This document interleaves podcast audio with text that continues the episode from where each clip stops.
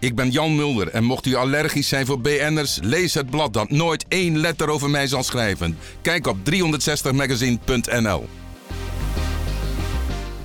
Een stuk uit de Daily Maverick geschreven door Tapelo Mohapi. Bestrijd armoede, niet de armen. Een hartekreet van Tapelo Mohapi over de criminalisering van arme mensen in Zuid-Afrika en de noodzaak het vertrouwen te herwinnen in een toekomst voor iedereen.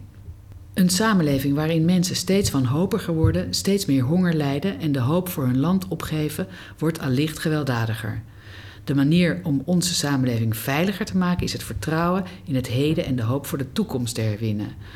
Overal ter wereld worden armen gecriminaliseerd en, in landen als Brazilië, de VS en Zuid-Afrika, met geweld geregeerd.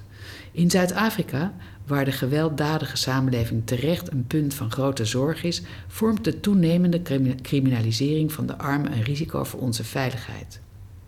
In de misdaadstatistieken van het laatste kwartaal, vrijgegeven door minister van Politie Becky Cele, telt M. Kaapse Township het hoogste aantal geregistreerde moorden. Zoals altijd worden de zogenaamde wildgroei aan sloppenwijken en zelfs het oude koloniale idee van overbevolking als boosdoener bestempeld. Dit zijn de narratieven waar de media en de rijken mee schermen. Volgens dit narratief horen arme mensen niet in de stad thuis. En wie zijn weg vindt naar de stad en de mogelijkheden die zij biedt, vormt een bedreiging voor de samenleving. Wij worden kennelijk als uitschot gezien, niet als menselijke wezens. We tellen simpelweg niet mee. Er zijn talloze voorbeelden waaruit dit blijkt.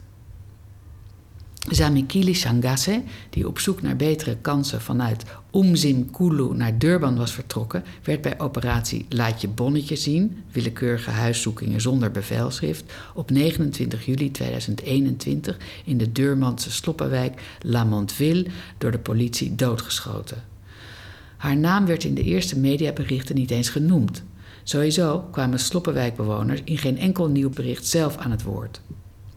De politie was onder schot genomen door lokale bendeleden, zo luidde de officiële versie. En in het daaropvolgende vuurgevecht was een naamloze vrouw dodelijk gewond geraakt. Uiteindelijk bleek de politie helemaal niet te zijn beschoten. Zo werd duidelijk dat het leven van Shangasse geen cent waard was en tevens de hele gemeenschap was gecriminaliseerd om een politiedode te rechtvaardigen. Dit is een wrang voorbeeld van hoe armen als uitschot worden behandeld en gecriminaliseerd. Het gebeurt aan de lopende band. Als we in gelijkheid geloven en in de noodzaak om waardigheid van alle mensen te respecteren, dan moeten we geen woorden als wildgroei gebruiken voor plekken waar mensen neerstrijken in de hoop op een beter bestaan. In dit land wonen miljoenen mensen in sloppenwijken, wereldwijd zelfs meer dan een miljard. Mensen worden er verliefd, er worden kinderen grootgebracht, men scharrelt er zijn kostje bij elkaar, er wordt geleefd. Sloppenwijkenbewoners moeten gezien worden als mensen die steun verdienen bij de ontwikkeling van hun gemeenschap, niet als een bedreiging. We zijn onderdeel van de samenleving, doen vaak het werk waar de bovenlaag van afhankelijk is, zoals huishoudelijk werk, beveiligingswerk, werk in de bouw. We bouwen de steden en houden ze schoon en veilig. We verdienen evenveel respect als ieder ander. Wanneer we de straat op gaan om gezien en gehoord te worden, worden we nog erger gecriminaliseerd. We worden in elkaar geslagen en met rubberen kogels beschoten. We worden regelmatig gearresteerd en beschuldigd van publiek geweld, als we simpelweg naar buiten treden als georganiseerde kracht. Soms worden we in politiecellen gemarteld, om zeep geholpen zelfs. De politie stelt zelden een onderzoek in en als onze leiders worden vermoord en ze komen ook niet in actie als onze onderkomens illegaal van de kaart worden geveegd. Natuurlijk is geweld en gewelddadige criminaliteit een serieus probleem in Zuid-Afrika. En net als bij alle andere problemen in deze nationale crisis worden de armen het zwaarst getroffen. Wij hebben geen stenen huizen, hoge muren, alarmsystemen of particuliere beveiliging. Wij zijn altijd kwetsbaar. Maar we krijgen geen steun van de politie. Wanneer we voor onszelf opkomen, worden we juist in de boeien geslagen en soms mishandeld. Zelfs de fatsoenlijke agenten op het bureau kunnen weinig voor ons doen, want het hele systeem werkt tegen ons. We hebben aangedrongen op democratisch toezicht op de politie, maar dat komt met de huidige regering natuurlijk nooit van de grond. Het geweld in de samenleving en het inhakken op de onderlaag zal pas verminderen als we de manier waarop de samenleving in elkaar steekt grondig aanpakken. Er moet massaal worden geïnvesteerd in de onderkant van de maatschappij. Er moet een duidelijk commitment komen om een samenleving te creëren waarin iedereen wordt gerespecteerd, waar kansen worden geschapen voor de miljoenen jongeren die werkloos thuis zitten en er moet stevig worden opgetreden tegen corruptie. Mensen die zich gerespecteerd voelen en hun geloof in de samenleving er in de toekomst terugvinden, zullen zich minder snel laten meesleuren in een destructieve levensstijl. Het waren de gewone mensen die de apartheid in dit land omverwierpen, niet het ANC in ballingschap. Toch werden onze ouders, die in 1994 hun leven hadden gewaagd in de strijd, naar huis gestuurd omdat het ANC de leiding zou nemen. Ook NGO's drongen zich naar voren. Toen de armen zich begonnen te roeren en te organiseren, werden ze stevast weggezet als criminelen of als de derde macht die erop uit was de democratie te ondermijnen. Abba Lali Base Miondolo, de organisatie waar ik al tien jaar voor werk, was opgezet om dit narratief te veranderen. Vanaf het begin stelt de beweging, die nu meer dan 115.000 leden in vier provincies telt, dat Sloppenwijkbewoners voor zichzelf kunnen denken en deel moeten kunnen nemen aan alle besluitvorming die hen aangaat.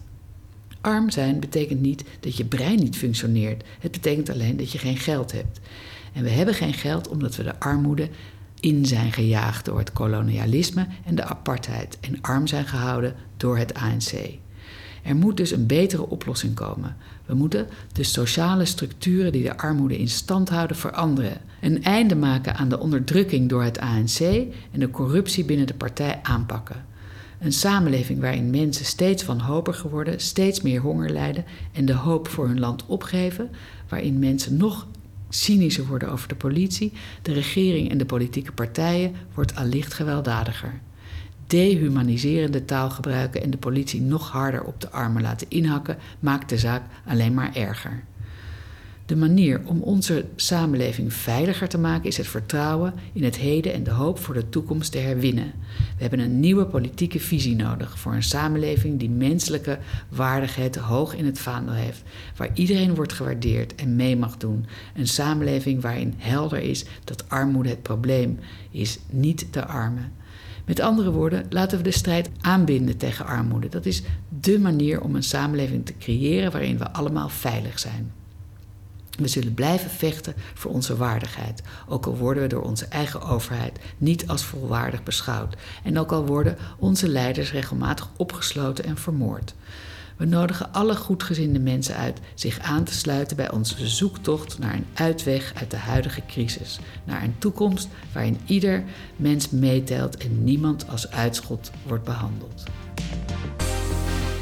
Wilt u meer van dit soort verhalen lezen of beluisteren? Ga dan naar 360magazine.nl.